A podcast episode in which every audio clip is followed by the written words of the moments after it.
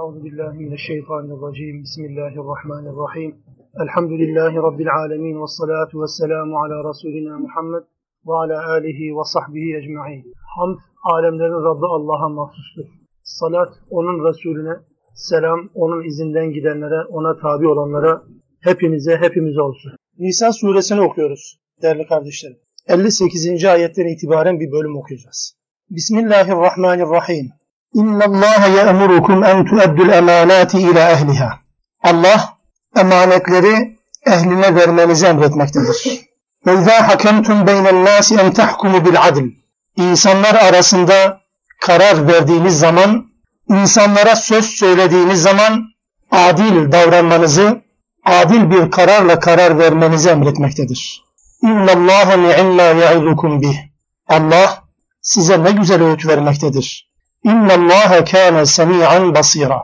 Bilesiniz ki Allah bütün söylediklerinizi işitmektedir ve bütün yaptıklarınızı da görmektedir diyor Rabbimiz.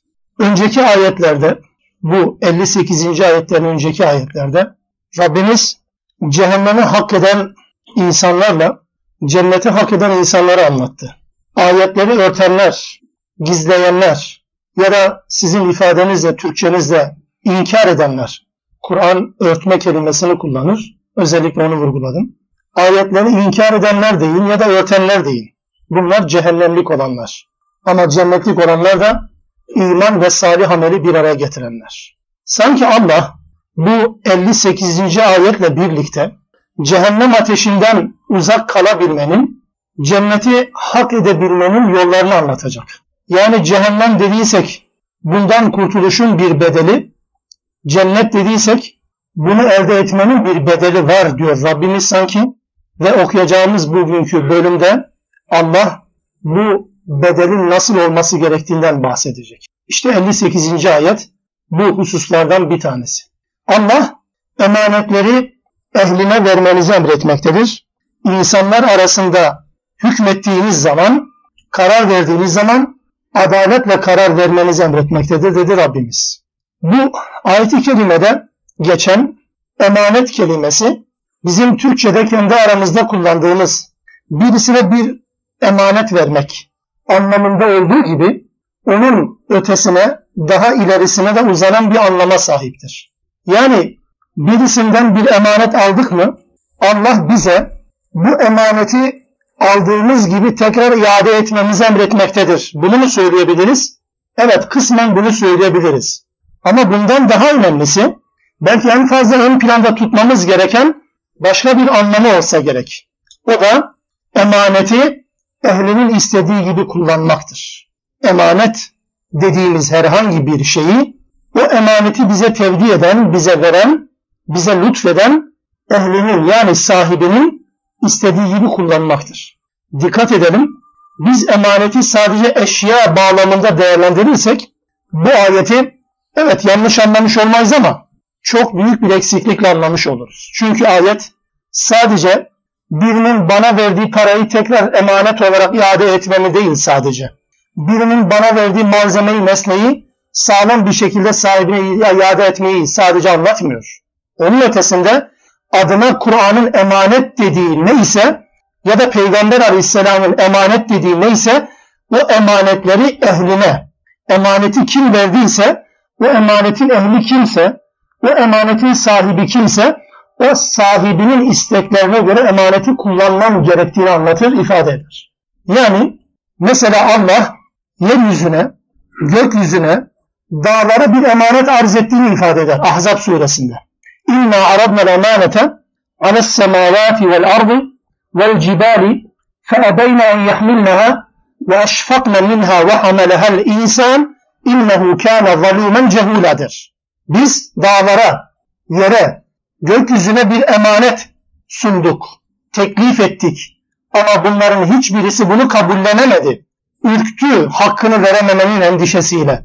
Bunu ancak insan yüklendi. İnsan bu emaneti yüklendi.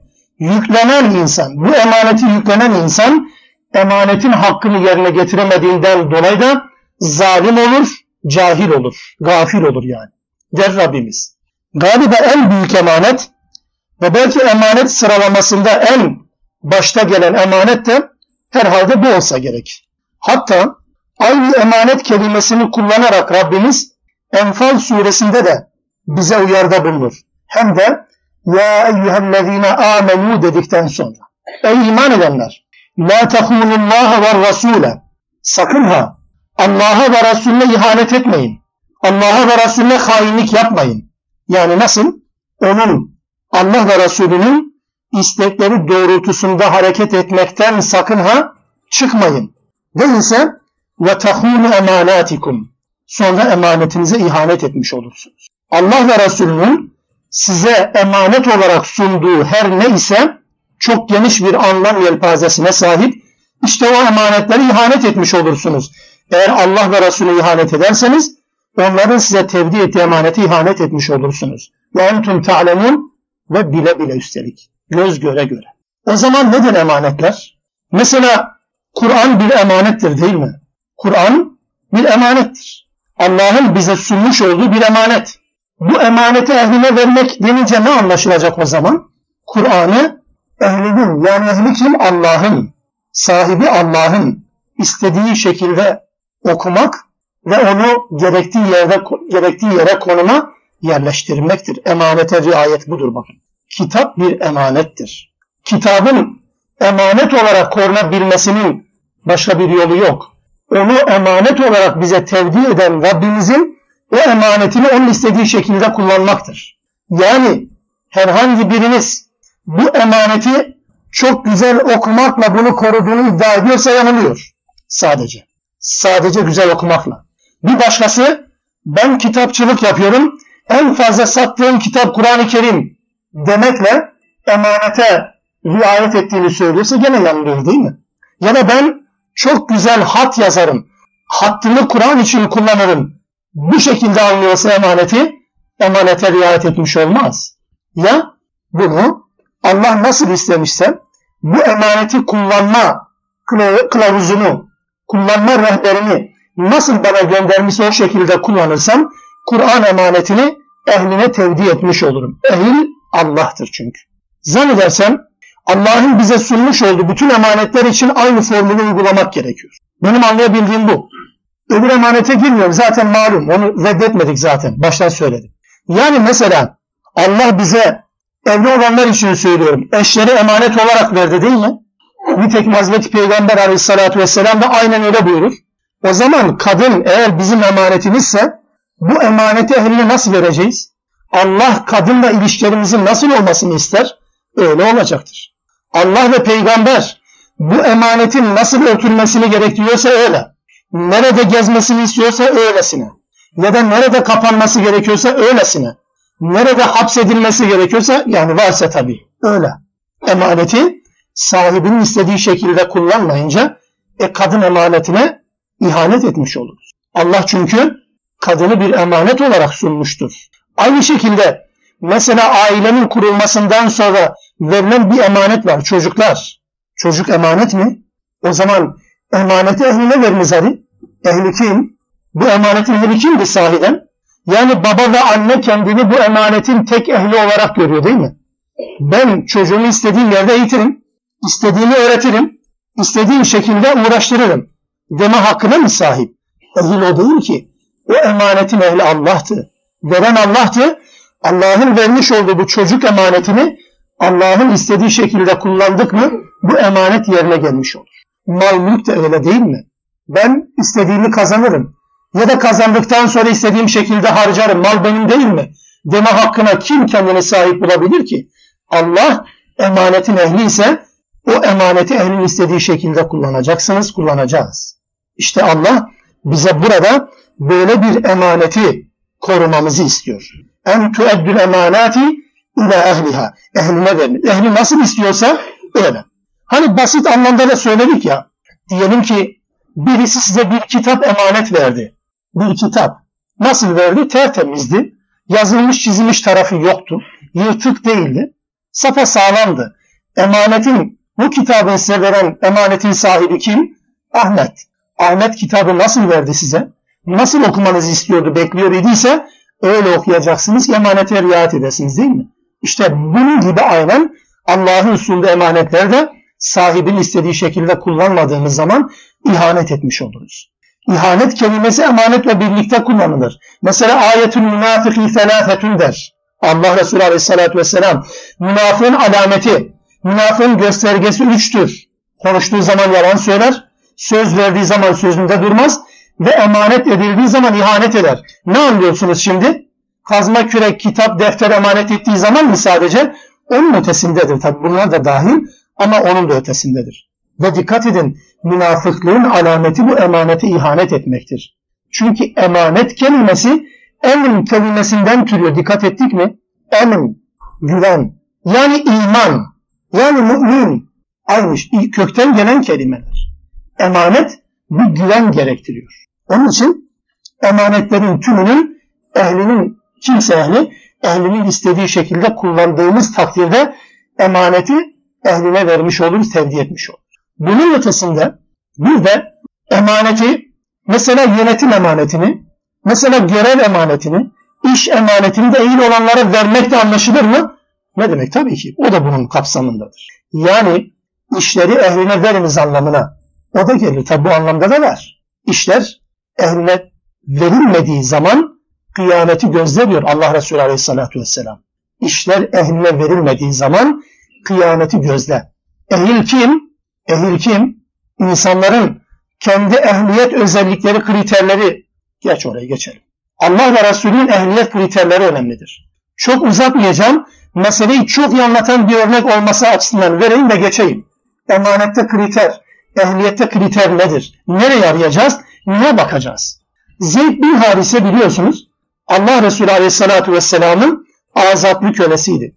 Hizmetçiydi, savaşlara esir kalmıştı. Ailesine tercih etmişti peygamberin evinde kalmayı değil mi? Peygamberin yanında kalmayı özgürlüğe, kendi ailesinin yanındaki günlere tercih etmiş Mekke'de kalmıştı.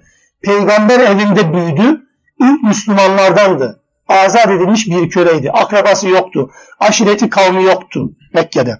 Zeyd bin Harise Mute Savaşı'nda komutan ilan edildi değil mi? O kadar komutanlık bekleyen, hani bizim gibi bekleme anlamda söylemiyorum da belki dışarıdan bakıldığı zaman hak eden o kadar ashab-ı kiram varken Allah Resulü Zeyd bin Harise'yi komutan tayin etti. Liyakattı çünkü. Normal cahili kriterlere bakılırsa azat edilmiş bir kölenin komutan olması kadar feci bir şey olamazdı. Ama Allah Resulü'nün kriterlerine göre Zeyd bin Harise Müslümanların komutanlığını yapacak kadar ehildi. Hatta bununla yetmedi. Zeyd'in oğlu Üsame yıllar sonra Peygamber Aleyhisselatü Vesselam'ın vefat edeceği sıralarda bir birliğin başına atandı peygamber tarafından da. Birlik Medine'nin dışına çıktı bekledi. Allah Resulü'nün hastalanmasından dolayı gecikti biraz sefere çıkmasını geciktirdi. Sonra sonra Hazreti Peygamber vefat etti. Allah Resulü'nün karar verdiği bu sefer yapılacaktı. Tecihiz, tekfin ve tedfin işlemin yapılmasından, Ebu Bekir Efendimiz radıyallahu anh'ın da halife seçilmesinden sonra Üsame ordusu yoluna devam edecekti. Ebu Bekir Efendimiz Üsame'den Medine'de kalmak için izin istemişti. Ne dersiniz? Bir kölenin oğlu ama ehil mi? Ehliyet özellikleri budur bakın. Takva mı? Evet tabii ki öyledir. Onun dışında sağında solundaki kalabalıklar, omuzu ve cebindeki kalabalıklar bir insanın ehliyetini ortaya koymaz. Bu iki özellik günümüzün en önemli ehliyet kriteri olarak maalesef alınmaktadır. Takva, o işe ehil olma hiç aranmamaktadır. Ya da kim ne kadar fazla takla atarsa o kadar ehil sayılmıyor mu? Öyledir değil mi? Onun için Allah Resulü ehil olmayanlara emanet tevdi edildiği zaman, yönetim ehil olmayanlara verildiği zaman kıyameti bekleyin. Yani kıyametimizi yaşıyoruz aslında da belki çoğumuz farkında değiliz. Ya da evrensel anlamdaki kıyameti Allah Resulü buna bağlamaktadır. Evet, dolayısıyla sözün özü Allah'ın bize emanet olarak tevdi ettiği her şey. Mesela sahip olduğumuz organlarımız. Allah adına söyler misiniz? Allah gözü emanet verdi biz gözü şu yaşımıza kadar. Dinleyen sizlerin her birinizin bulunduğu yaşı itibariyle söyleyelim ve konuşalım, düşünelim. Şu yaşımıza kadar Allah'ın verdiği bu göz emaneti nerede kullandık? O feri, o gözün ferini nerede tükettik? Kur'an'a kalmadı değil mi? Kur'an'a kalmayacak da galiba. Ya da dizimizdeki derman, hangi yollar aşındırmakta kullandık?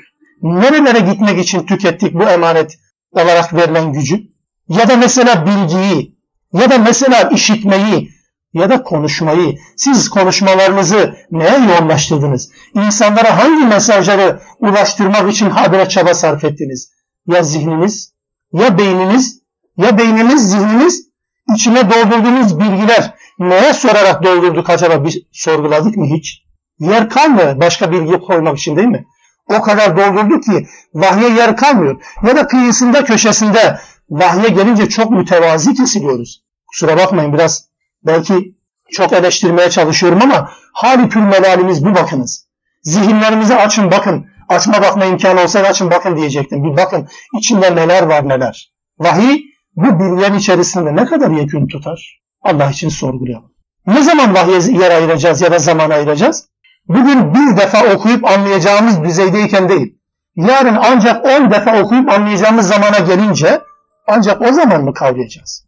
Allah bu emanetin hakkını mutlaka soracaktır. Önemsemediniz mi yoksa diyecek Allah.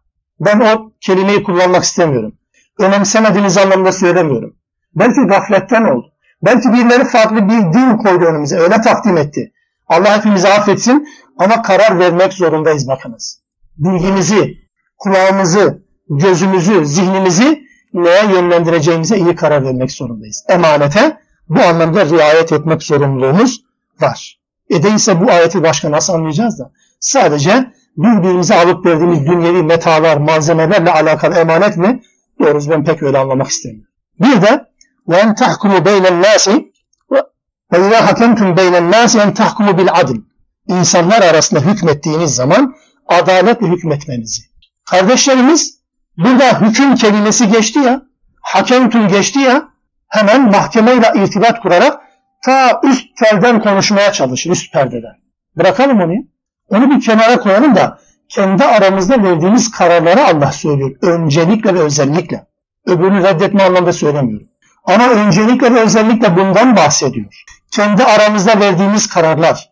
Hükmetme karar vermedir. Mesela amca oğulların arasında bir karar vereceksin. Kararı neye göre veriyorsunuz? Dayı oğullarından, teyzelerin arasında, dostların arasında bir karar veriyorsun. Mesela sana soruldu. Şöyle bir ev alacağım. Bir karar vermeni istiyor. Seninle istişare ediyor. Hükmetmeni istiyor. Karar vermeni istiyor. Neye göre karar vereceksiniz? Hakemtüm bil adil değil mi? Yani adaletle. Yani Allah'ın sizin önünüze koymuş olduğu ölçülerle söylemeniz gerekmiyor mu? Çocuğunu şuraya göndereceğim. Hadi karar ver. Neye göre karar vereceksiniz? Aldığınız diploma etikete göre mi? Yoksa adalete göre mi? İşte budur. Anlatabiliyor muyum? Çok basite indirdim. Çünkü bunu göremeyince tepeyle uğraşınca bu taraf gidiyor bakınız. Biz hep tepeyle uğraşıyoruz. Kendi yanı başımızdaki dertlerimizi unutuyoruz. Ayet yanımızdan, yanı başımızdan bahseder. Ayetler öncelikle yanı başımızdan bahseder. Önce oraya koyalım, uygulama alanlarda bulmaya aramaya çalışalım. Sonra uzaklardan da muhatapları aramaya çalışırız tabii ki. Bunu anlatabildim mi? Kendi aramızdaki işler bize geldi mi ya da biz yapılan bir işe tanıklık yaptık mı karar vereceğiz. Ona bigane kalamazsınız. Kayıtsız kalamazsınız. Ya ben kim buna karar vermek kim diyemezsiniz. Müslümansanız o işin Müslümanca nasıl yapılması gerektiğini söylemek zorundasınız. İşte adaletle hükmetmek budur. Efendim hakimsiniz, mahkemeye geldi bir karar. Onda dahil mi? E tabii ki dahil ama şu anda aramızda belki böyle bir insan yok. Onun için mesele o tarafa getirmeye gerek yok.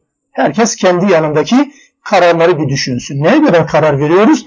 Allah neye göre karar vermemizi istiyor? Sorulamamız gereken de budur. 59. ayet. Ya eyyühellezine amenu. Ey iman edenler. Ey iman ettiğini söyleyenler. Gerek buraya kadar anlatılanlara, gerek buradan sonra anlatılacaklara iman ettiğini söyleyenler. Allah. Allah'a itaat ediniz. Ve ati'ur Resul. Resul'e itaat ediniz ve ulil emri minkum ve içinizden, sizden olan ey iman edenler dediğine göre muhatap biziz. Kendisini mümin olarak kabul eden herkes. O zaman Allah ne diyor? Sizden olan, sizin içinizden olan emir sahiplerine itaat ediniz. Oysa bu ifadenin başında ve o gelmedi. Hani Kur'an-ı Kerim'in üslubudur. Mümkün mertebe hükümleri kısa ve öz olarak anlatır. Eğer bir yerde bu kural ihlal ediliyorsa uzatılıyorsa, kelimeler tekrar tekrar söyleniyorsa orada biraz durup düşünmemiz lazım. Mesela Allah burada şöyle diyebilirdi. Ati'ullaha ve rasulehu ve minkum. Ati'u bir de defa kullanabilirdi. Öyle demedi. Ati'ullaha dedi ve ati'ur rasul. Aynı kelime niye kullansındı? Peki ulul emir demeden kullanmadı Allah. Bunun bir mutlaka bir nedeni vardır değil mi? Yani Allahu alem diyelim, Allah'ın iyisini bilir diyelim ama sonuçta burada şöyle bir sonuç çıkıyor. Allah ve peygambere mutlak itaat var. Kayıtsız, şartsız. Allah ve peygamber kayıtsız, şartsız itaat edilecek konumdadırlar. Ama ve ulil emri minkum emir sahiplerine kayıtsız, şartsız itaat etme zorunlu yoktur. Kayıtlı ve şartlıdır. Hangi kayda bağlı? La ta'ate li mehlukin fi masiyetil haliktir Allah Resulü. Bunu çok güzel formüle ediyor Allah Resulü Aleyhisselatü Vesselam. Halika, yaratıcıya isyan olan konularda mahluka itaat, insana itaat yoktur der. Çerçeve böyle çizer. Allah ve Resulüne mutlak itaat ama onun dışındakilere mutlak değil, kayıtlı ve şartlı itaat vardır. Onun için ve ullemri minkumun başına atı o kelimesi gelmedi Allahu alem. Fe in tenaza'tum fi şeyin buraya döneceğim ayeti tamamlayayım. Bir şeyde bir konuda tartışmaya başlarsanız eğer, çekişirseniz, niza çıkarsa, bir konuda anlaşmazlığa düşerseniz, fe o zaman rudduhu ilallahi ve rasuli. Allah'a ve Resulüne onu götürünüz. Niza çıkan, ihtilaf çıkan bir konu mu oldu içinizde aranızda Müslüman olarak? O konuyu kime götüreceksiniz? Allah'a ve Resulüne götüreceksiniz. Ne zaman? Her zaman. Herkes mi? Herkes değil. İn kuntum tu'minune billahi vel yevmil ahir. Allah'a ve ahiret gününe iman ediyorsanız. Herkes Müslüman olmak zorunda değil. Herkes itaat etmek zorunda değil. Allah'a ve ahiret gününe itaat ediyorsanız onu Allah'a ve Resulüne götürmek zorundasınız. Çünkü kendisini itaat etmek zorunda görmeyen Müslüman olduğunu söyleyenler var ki onu Allah'a Resulüne değil de başkalarına götürüyor değil mi? Var mı? E olmasa Allah 60. ayette bunun örneğini vermeyecek zaten. Allah'a ve Resulüne inandığını söyleyecek ama işine geldiği zaman başkasına karar vermek için götürüp istişare edecek. Şu derdimiz sorunun bir çöz diyecek. Olur tabi var. Onun için Allah diyor ki Allah'a ve ahiretine iman ediyorsanız aranızda çıkan anlaşmazlıkları Allah ve Resulüne havale ediniz. ذَٰلِكَ خَيْرٌ وَاحْسَنُ تَعْو۪يلًا Bu hem sizin için daha hayırlıdır hem de sonuç itibariyle çok daha güzeldir. Sonuç itibariyle çok daha güzeldir diyor Rabbimiz. Ayetin birinci bölümüne dönelim. Allah'a ve Resulüne itaat, ulul emre, sizden olan ulul emre itaat. Kur'an'ın kimi ayetleri var demiştik hani sloganlaştırılmıştır. Herkes üzerinde ahkam keser. Herkes kendisinden bir pay alır o ayet-i kerimeyle alakalı. Demokratı da, cumhuriyeti de, İslamcısı da, laiki de herkes bu ayetten bir şeyler çıkarmaya çalışır kendince. Bağlamından koparınca, peygamberi de devre dışı bırakınca ayete yükleyemeyeceğiniz mana yoktur zaten. Ve ulil emri minkum. Minkum bizden. Yani benim gibi olacak. Dedi mi mesele biter zaten. Kim ulul emir? Yani yönetici itaat midir? yönetici itaati mi söyler dersiniz? Hep öyle anladık değil mi bu ayeti? Hep bize öyle anlattılar. Bu yöneticiniz var? İtaat edeceksiniz. Sizin canınıza oksa da, sizin inancınıza hakaret etse de yöneticisi yönetici ise itaat edeceksiniz. İtaat lazım. Niye? Çünkü Allah'a ve Resulüne itaatle birlikte ulul itaat emredilmiştir. Denildi bize hep böyle kandırıldık. Kandırılanlardan olmayalım. Değiliz inşallah ama böyle kandırıldık. İtaat. Boynumuz kıldan ince. Kime karşı? Ulul emre karşı. Etmeyin. Bu ayet geldiği zaman bu anlamda ulul emir var mıydı? Hiç sorduk mu? Bu ayet geldiğinde emir yani halife yani yönetici anlamında böyle bir şey var mıydı? E var dediğinde o da Resul'dü zaten elçiydi. O, zaman, o da zaten var. Yani ulul siz halife, ulul siz devlet başkanı olarak alırsanız ben de dedim ki bu ayet geldiğinde ulul emri bir kavram zaten kullanılmıyordu ki yoktu. Kelimeyi çığırından çıkarmadan konuşalım, okuyalım, anlayalım. Ulul emir, emir verme yetkisine sahip olan her kimse. Kim diyor bunu? Allah diyor. Peki bu emir verme yetkisini kime vermiş? Peygambere vermiş zaten burada anlatıldı. Demek ki o değil. Allah var tamam. Peygamber var tamam. Onun dışında Allah'ın emir verme yetkisi verdiği insanlar var. Onlar da itaat edilecek mi? itaat edecek. Kayıtsız şartsız değil ama Allah'ın çerçevesini çizdiği şekilde. Kim bunlar mesela? Kur'an okuduğumuz zaman ortaya çıkar. Anne baba mesela. Emir verdi mi itaat edilmek zorundadır. Küfür, Allah'a isyan hariç sadece. Onun dışında her şeyle anne baba itaat gerekiyor değil mi? Her şeyle. İstisnası sadece Allah'a isyan, Allah'ın rızasıyla çelişen konular. Her şey deyince ister bir bardak su getirmenizi istesin anne baba, ister evinizin içerisine döşediğiniz halı kilimin rengine varıncaya kadar müdahale etsin, ona tabi olmak zorundasınız. Benim Kur'an'ın bu konuda söylediklerinden anladığım bu. Eğer dine aykırı bir şey istemiyorsa anne babanın emrine itaat etme zorunluluğu var. Çok sıradan örnekler verdim sadece. Evet, tabi olmak zorundasınız. Anne baba dediği için onu yapmanız ibadet kulluk haline gelir. Gelir mi? Ne demek? Tabii ki gelir. Yani anneniz babanız dedi ki benim evin yanında otur başka yere gitme. Gitmemek zorundasın. Gidersen isyan etmiş olursun. Bu kadar net. Gidemez. Yani evliliğinize gayri İslami bir istekte bulunmadığı takdirde evliliğinize karışıyorsa itaat etmek zorundasınız. Gençlere söylüyorum özellikle. İtaat etmek zorundasınız. Gayri meşru bir istekte bulunmuyorsa tabii. Anne babadır çünkü.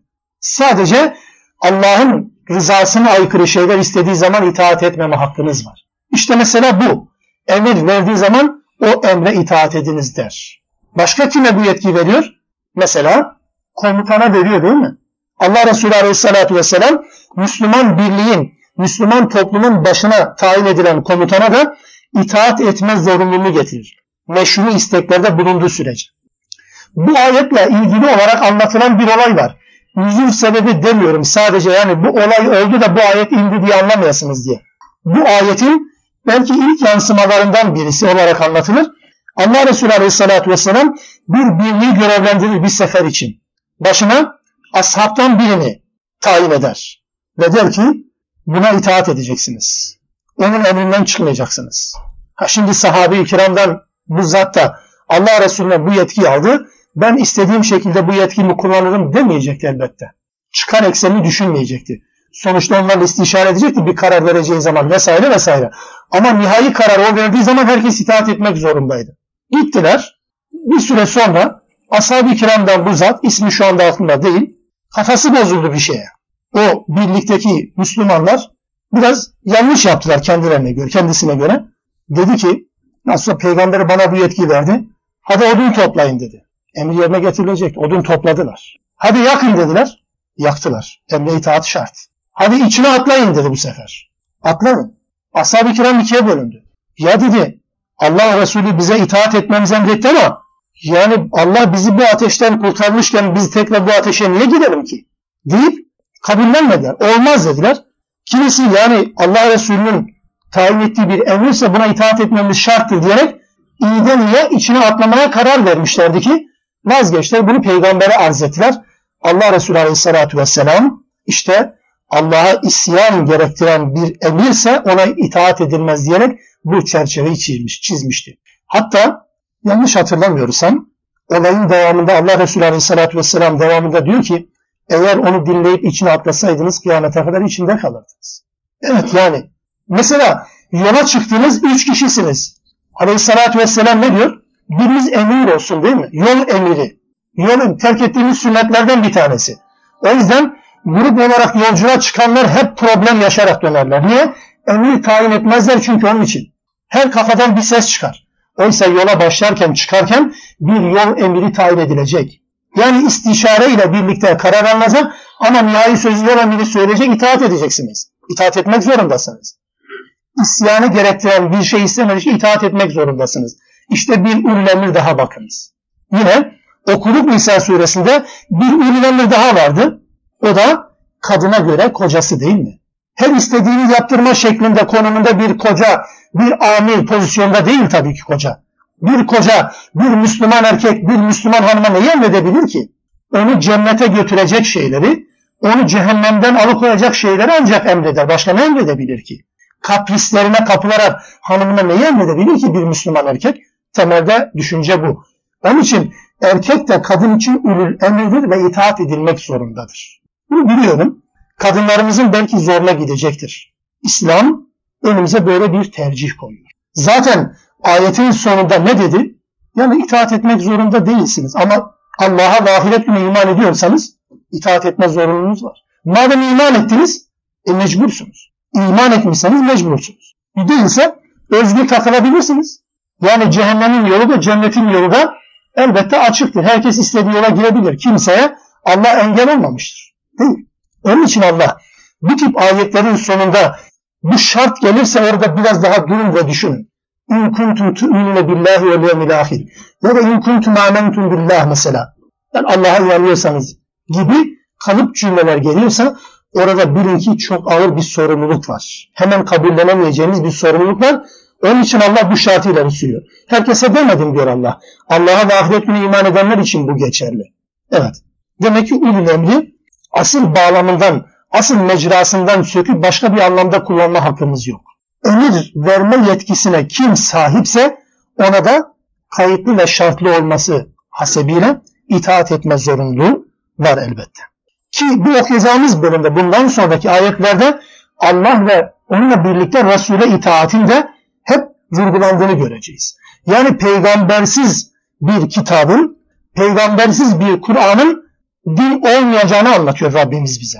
Evet böyledir. Peygamber yoksa orada din yoktur. Peygamber yoksa hayatın içerisinde, hayatın dışına itilmişse peygamberin sahih sünneti, orada dinden bahsedemezsiniz. Çünkü Kur'an'ı istediğiniz şekilde anlamlandırabilirsiniz. istediğiniz şekilde yorumlayabilirsiniz. Kur'an diyorsunuz. Benim ciddi bir sorum var. Hangi Kur'an diyorum? Hangi Kur'an? Kendinizin Kur'an'ı mı? Peygamberin tarif ettiği Kur'an mı? Mesele bu kadar ciddi. Onun için peygamberle birlikte Allah'a itaat gündeme getirilecek bundan sonraki ayetlerde. فَاِنْ تَنَازَعْتُمْ ف۪ي شَيْءٍ فَرُدُّهُ اِلَى اللّٰهِ وَالرَّسُولِ Bir konuda çekişirseniz, anlaşmazla düşerseniz onu Allah'a ve Resulüne havale ediniz. Burada şunu diyemezsiniz. Yani Resul'e havale etmekten maksat bunu peygambere götürmek. E, peygamber de bugün yok. Dolayısıyla peygamber havale edeceğimiz bir peygamber yok. Bitti. E, o zaman Allah'ı nereye koyacağız mesela? Allah'a havale edin o cümleyi nereye yerleştireceğiz? Mesela Allah'a havale edin emrini bu ayetin ilk muhatapları Allah'a nasıl havale etmeyi kullanıyorlardı, anlıyorlardı? Söyler misiniz? Nasıl anlıyorlardı? O nasıl anlaşılıyor idiyse, kita kitabı yani Allah'ın kitabı olarak anlaşılıyor idiyse aynı şekilde peygambere arz etme de peygamberin sünnetine olacaktır kaçınılmaz olarak. Öyle değil mi? Onun için Allah'a ve kitabına arz edeceksiniz. Hangi konuları? فَاِنْ تَنَازَعْتُمْ ف۪ي şeyin. Şeyin Arapça bilenleriniz iyi bilir. Mekre bir kelimedir. Adını koymuyor Allah. Herhangi bir şey hidayetimizle alakalı, bizim cennetimiz ve cehennemle alakalı, evet, cennete götürme ve cehennemden uzaklaştırmayla yakından alakalı olan herhangi bir şey. Ki her şey ya cennete götürmemize, götürülmemize vesiledir ya cehenneme değil mi Allah korusun. Herhangi bir şeyde çekişirseniz Allah'a ve Resulüne havale ediniz. Acizane bunu ikiye ayırmaktan yanayım. Çekiştiğimiz, hakkında anlaşmazda düştüğümüz konular. Birisi hepimizin hemfikir olduğu, üzerinde ittifak ettiği meseleler var. Allah ve Resulüne havale etmekten çekinmediğimiz, kaçınmadığımız, kesin ve kesin bir şekilde arz ettiğimiz tartışmalarımız, anlaşmazlıklarımız var. Bir de üzerimizde görüş birliğine bir türlü varamadığımız, her kafadan bir sesin çıktığı kimi anlaşmazlıklar var ki onu Allah ve Resulü dışındakilere çözdürürüz. Birinci gruptakilere mesela ibadet derim. İbadet konuları. Fein tenazatun fi şeyin. Bir şeyde anlaşmazlığa düştünüz. Nedir anlaşmazlığa düştüğünüz konu? Mesela diyelim ki namaz. Diyelim ki namazın cemi. Öyle değil mi? Yani namazların ikindiyle öğlenin ya da diyelim ki akşamla yatsının seferdeyken, yolculuktayken cem edilmesiyle alakalı anlaşmazlık çıktı. Dediniz ki ben anadan doğma Hanifiyim, öbürü dedi ki ben de Şafiyim. Tamam o zaman bu meseleyi nasıl halledeceğiz? Çözemediniz. Nereye bakacaksınız sahiden? Allah'a gönderirsiniz. Baktınız Kur'an'da, baktınız Kur'an'da Allah bu konuda bir şey demedi. İkinci aşağı kim? Resul'e havale ediyoruz. Allah Resulüne havale ediyoruz. Neresine? Buharisine. Müslimine havale ediyoruz. Oraya arz ediyoruz. Ey peygamber bu cem konusunda ne buyuruyorsun?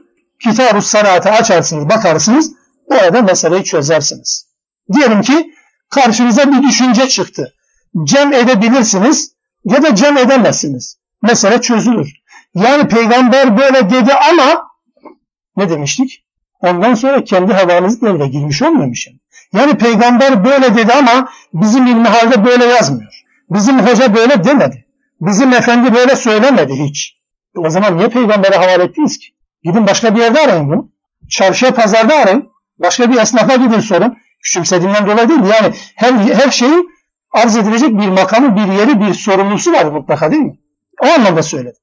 E, yani peygamber dediyse bitirecek. Bu konuları peygambere arz ediyoruz değil mi? Ya da secdeye ne yapacağız? Hadi herkes bir şey söyledi. Bir dakika durun diyeceksiniz. Ya Müslüm var, Buhari var, Tirmizi var. Bakalım peygamber ne yapmış secdeye? Bakarız ve çözeriz değil. Mesele bitmiştir. Bu konuları hadi biraz daha ilave edebilirsiniz.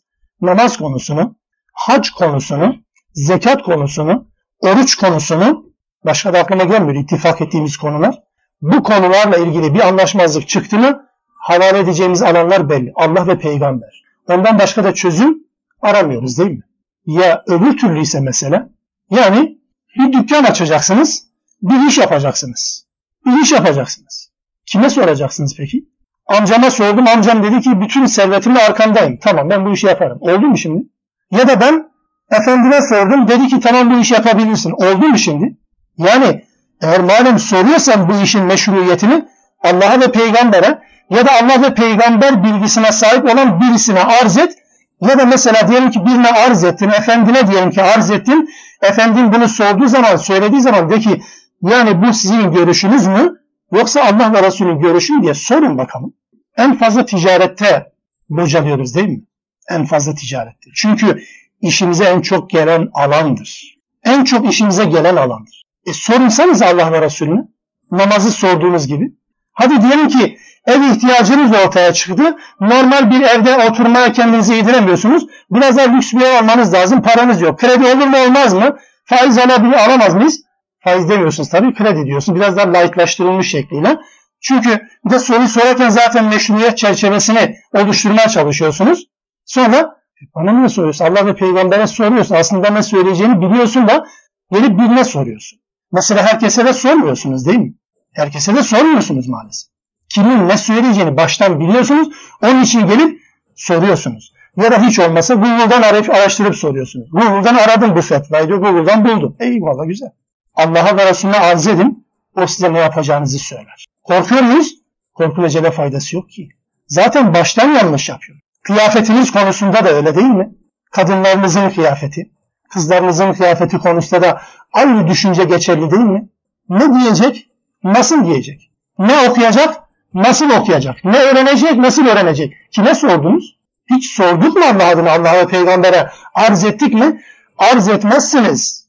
Tenzih ederim sizi. Ama arz etmiyor bu toplum. Kime arz ediyor? Kendi hocalarına soruyor. Kendi hocalarına soruyor. Fetvayı vereceğini bildiği hocalara soruyor. فَاِنْ تَنَازَعْتُمْ ف۪ي شَيْءٍ فَرُدُّهُ اِلَى اللّٰهِ وَالرَّسُولِ ve üstazikun diyor sanki allah Teala öyle demedi sanki burada değil mi? Öyle demedik. Allah'a ve Resulüne arz edin. Oradan ne karar çıkarsa baş tacı etmek zorundasınız. Diğer ayetler geldiğinde de aynı konu yeniden gündeme gelecek, getirilecek. Onun verdiği kararı sadece kabullenmekle mümin olmuyoruz. Ya nefsimizde, içimizde bir zorluk taşımadan da, yaşamadan da kabullenmedikçe mümin saymıyor Allah bizi. Düzelteyim, tekrar edeyim. Peygambere arz ettik bir meseleyi, peygamberin verdiği kararı öğrendik, öğrendikten sonra içimizde bir sıkıntı yaşamadan kabul edeceğiz. İçimizde bir sıkıntı varsa adımız mümin değil. Allah'a göre. Gelecek ayet-i kerimeler de peygambere arz etmenin önemi buradan kaynaklı. Onu arz edelim. Namazımızı, orucumuzu arz ettiğimiz kadar muamelatımızı da, ilişkilerimizi de, toplumdaki yapımızı, statümüzü de, emellerimizi, amaçlarımızı, gayelerimizi Allah'a arz edelim, peygambere arz edelim. Hele bakalım ne diyecek bize bizi hangi konumda görmek istiyor? Biz kendimizi hangi konuma yerleştirdik? Bunun muhasebesini, muhakemesini yapan değerli arkadaşlar. Bu şekilde muamele etmeniz, Allah ve Resulüne meseleyi arz etmeniz hem sizin için en hayırlı hem de tevil itibariyle en güzelidir. Sonuç itibariyle de çevirdik. Tevil kelimesi kulağımıza aşina olduğumuz bir kelime. Tevil. Burada da geçtiği için çok fazla uzatmayacağım ama sadece bir yanlış anlaşılmayı becerebilirsem düzeltmek amacıyla gireyim bu kelimeye. Kur'an-ı Kerim'de tevil kelimesi karşımıza çıktığı zaman ona sonuç diyelim, netice diyelim, akibet diyelim. Yaygın anlamıyla tevil eşittir yorum anlamında değil Kur'an-ı Kerim'de. Kur'an'dan bahsediyor. Değilse tevil kelimesi Kur'an'ın dışında yorum anlamında kullanılır. Mesela Taberi'nin, Allah kendisine rahmet eylesin, Taberi'nin kitabın adı tevildir değil mi? Tevilü ayul Kur'an diye geçer. Kur'an ayetlerinin tevilidir. Yani Kur'an ayetleri dışında kullanılan tevil yorum anlamına kullanılsa da Kur'an-ı Kerim ayetlerinde tevil yorum anlamında kullanılmaz. Sonuç anlamında kullanılır. Bunu en iyi çözebileceğiniz bir yer söyleyeyim. Yusuf suresi. Yusuf suresi. Bu kelime Yusuf suresinde çok çok tekrar edilir. O da nedir? Tevilül hadis. Hadiselerin tevili diye söyleriz değil mi? Olayların tevili. Ya da mesela tevilü rüya. Rüya tevili yani rüya yorumu mu? Onu düzeltelim bak. Rüyanın yorumu değil o. Rüyanın sonucudur. Rüyanın varacağı sonuçtur. Bakın Yusuf suresinin bitiminde Yusuf Aleyhisselam'ın ta ayetlerin başında anlatılan bir rüyası var. O rüyadan sonra başından geçen hadiseler anlatılır anlatılır. En son Yusuf'un annesi, babası, kardeşleri Yusuf'un huzurundadır. Hâzâ te'vilü rüyayedir Yusuf Aleyhisselam. İşte bu benim rüyamın tevili yani rüyamın sonucu budur der. Sonuç anlamında kullanılır Kur'an-ı Kerim'de tevil. Bunu unutmayalım inşallah. Sonuç itibariyle bu çok daha güzeldir. Sonuç. Hangi sonuç peki? Dünyada sonuç olmaz. Dünyada güzel sonuç olmayabilir. Yani siz bir sonuç hedeflersiniz, elde etmeye çalıştığınız bir şey vardır. Bunu gaye edilmişsiniz, elde etmeyebilirsiniz. Buna zarar demezsiniz ki siz ahirette kazandınız. E tersi de mümkün. Sizin kazandığınız dünyevi bir şeyi Allah güzel demiyor ki zaten. Siz Allah'ı razı etmeden bir sonuç elde ettiniz. Allah bunu yüzünüze çarpacak. Allah korusun. Evet öyledir.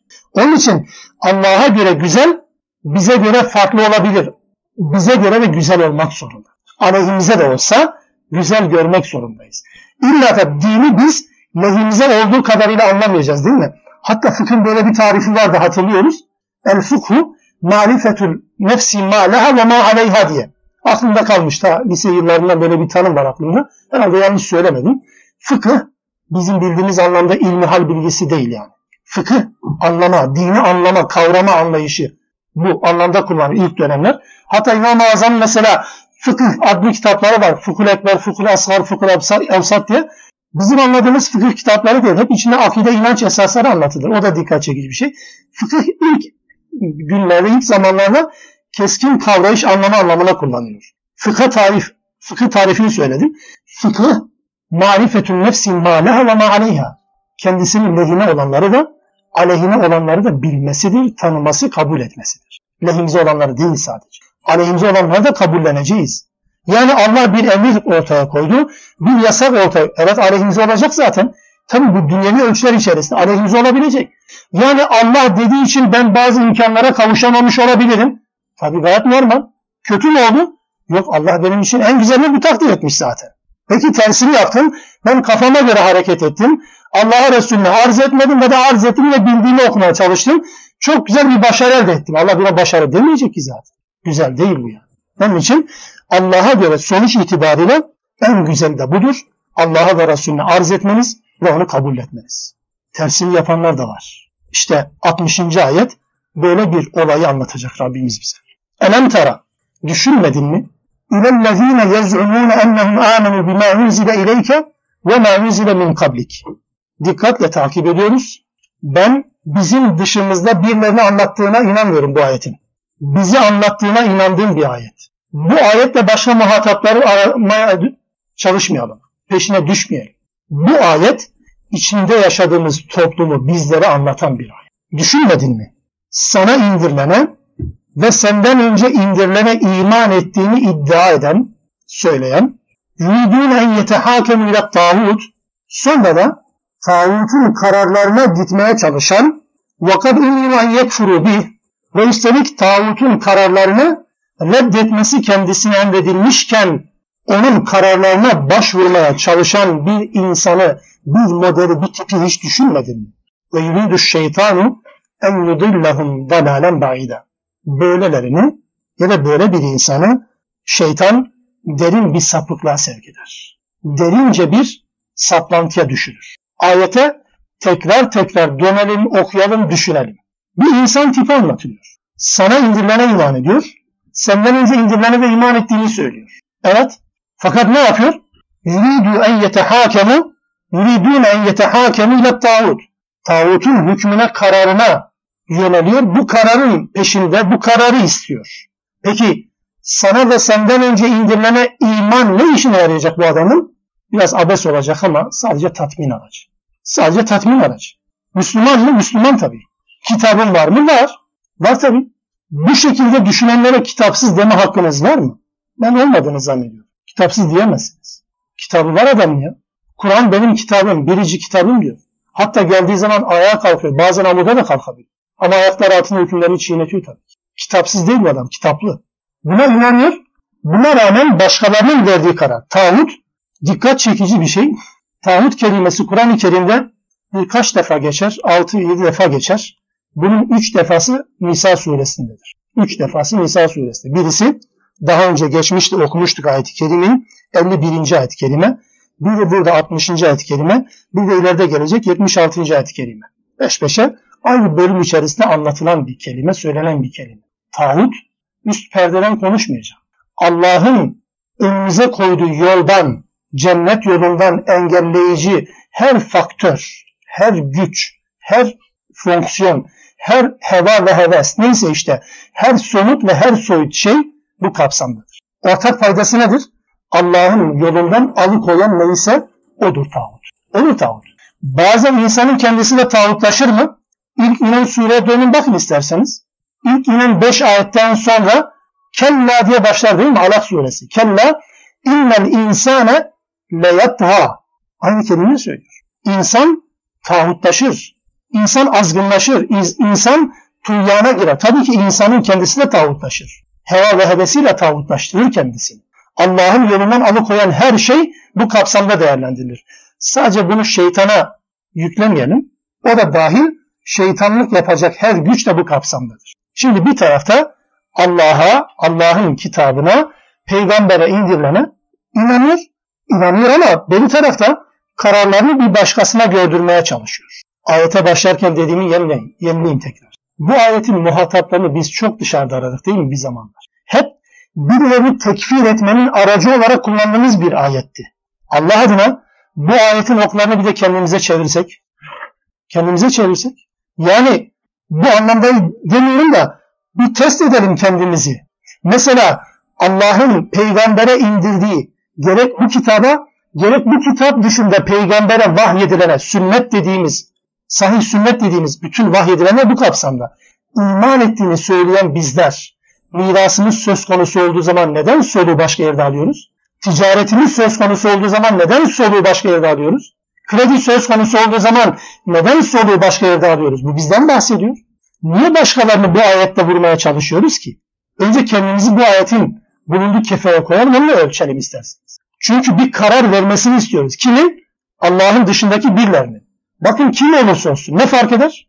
Yani düşünün ki bu ayetin ilk uygulama alanı ya da bu ayetin bahsettiği ilk olaya baktığımız zaman zaten işin içerisinde peygamber var ve alternatif görülen birileri var değil mi? Biliyoruz değil mi? Peygamber aleyhissalatü vesselam var ve onun kararlarına alternatif karar vereceğine inanılan birisi var. Adına Kâb bin Eşref mi dersiniz? Adına Abdullah mı dersiniz? Hiç fark etmez. Peygamber ve diğerleri. Ona gidip onun kararını almaya çalışıyor.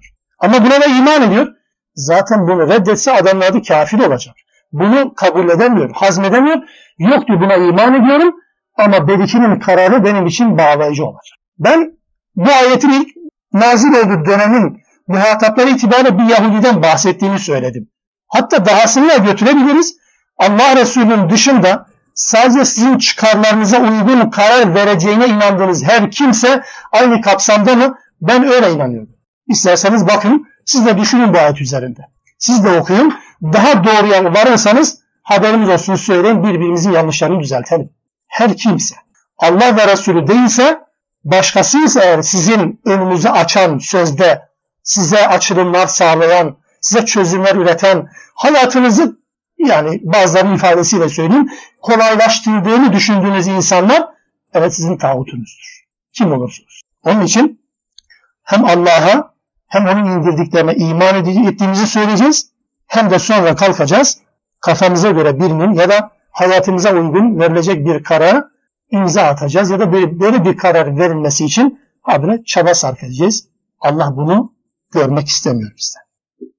Bu haliyle baktığımız zaman aslında neden bu hale geldiğimizin bu sorunun cevabı da çok basittir biliyor musunuz? Neden biz hem böyle bir kitaba iman ettiğimizi söylüyoruz hem de farklı bir kitap peşinde, farklı bir hukuk, farklı bir sistem, farklı bir emir ve yasak manzumesi peşinde koşuyoruz. Neden mi?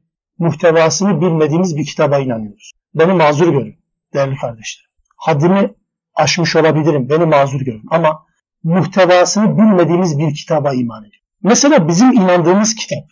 Biz derken bu toplumun, içinde yaşadığımız toplumun genelini kastediyorum. Annemi, babamı, teyzemi, amcamı, dayılarımı tümünü de katıyorum hepsine. Her biriniz için aynı şey geçerli. Bu toplumun inandığı bu kitapta Nisa suresi var mı ki? Yoksa silinmiş mi? Nur suresi var mı? Kaç ayeti var? Herkesin inandığı kitap 6000 küsur ayetten oluşmuyor benim kanaatime göre. Herkesin kitabı farklı. Hatta kimisinin kitabı yanlış bir baskıyla boş çıkmış matbaada. Ya da kimisinin kitabı sadece dua ayetleri basılmış diğerler hiç görülmüyor. Kaybolmuş, silinmiş. Allah için söyleyen yanlış mı söylüyor? Böyle bir kitaba iman ediyoruz ya. Heva ve hevesine karışmayacak, ailenin düzenine karışmayacak, evine müdahale etmeyecek, istediğini yapmama engel olmayacak böyle bir kitap ve böyle bir kitabın uygulayıcısı böyle bir peygamber istiyorum. Bana benzeyen bir peygamber. Olsaydı peygamber aynen benim gibi yapardı. Aynen benim gibi giyinirdi. Aynen benim gibi yaşardı. Benim gibi oturur, benim gibi kalkar, gezer, yürür. Yani bunu söyleyebilmek için peygamberi tanımamak ve bunu söyleyebilmek için Kur'an'ı bilmemek gerekiyor ki öyledir. Öyle inan. Allah için bu yanlışımızdan vazgeçelim. Çünkü Allah böyle bir şeyi şeytan uşağı olmak anlamına geldiğini söylüyor. Şeytan böylelerini saptırır hem de derin bir sapıklığa saptırır. Ve üstelik 61. ayette mealen verip bırakıyorum. Ve izâ qîle lehum ta'âlev ilâ mâ enzelallahu ve ilâ rasûl. Hadi gelin Allah'a ve Resulüne, Allah'ın kitabına, peygamberin bu kitapla örneklediği hayata gelin dediği zaman ra'aytel münafıkîne münafıkların, iki yüzlerin Medine'de değil bu sadece. Her yerde var olan şeyler bir grup. Yani kendince hayatta çözüm üreten, yani hiçbir zaman riske katlanmayan, her zaman çözüm üreten insanların adıdır münafık. Bunları görürsün ki yasuddûne anke sududa senden yüz çevirdiklerini görürsün. Hadi gelin Allah'a ve Resulüne. Yok bizim kitabımız var. Hadi gelin Allah ve Resulüne. Bizim hocamız var. Öyle demiyor. Diyenler adeta bu ayette önümüze konuyor. Allah bizi onlardan eylemesin inşallah. Subhaneke Allah'ına bihamdik. Eşhedü en la ilahe illa ente. Estağfirullah ve etûbü